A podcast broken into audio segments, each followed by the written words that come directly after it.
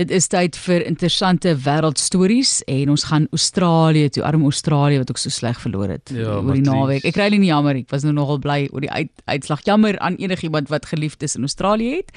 Maar ja, jy sê hulle is geblus. Ja, maar least jy weet Australiërs is maar so Suid-Afrikaners, sportmal, braaimal. Hulle dinge het die naweek maar bietjie plat geval.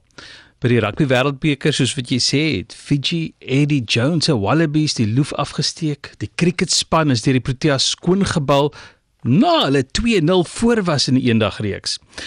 In Australië is daar nie vreugdevure wat brand nie. Toe maak Sydney dit amptelik. In Sydney mag jy nie braai nie. Dinge raak warm vir die Australiërs, nie net vir die spelers nie.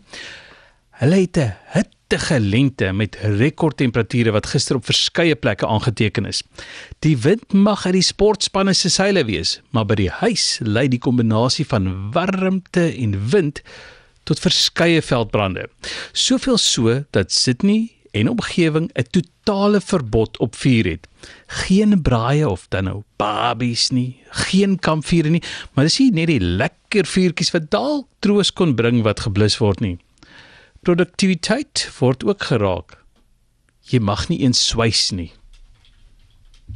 Dis dit. Nie nie eers swys Nie eens 'n ou swysflabbietjie nie. Nee. Tot op daai vlak is dit 'n probleem. moeilikheid.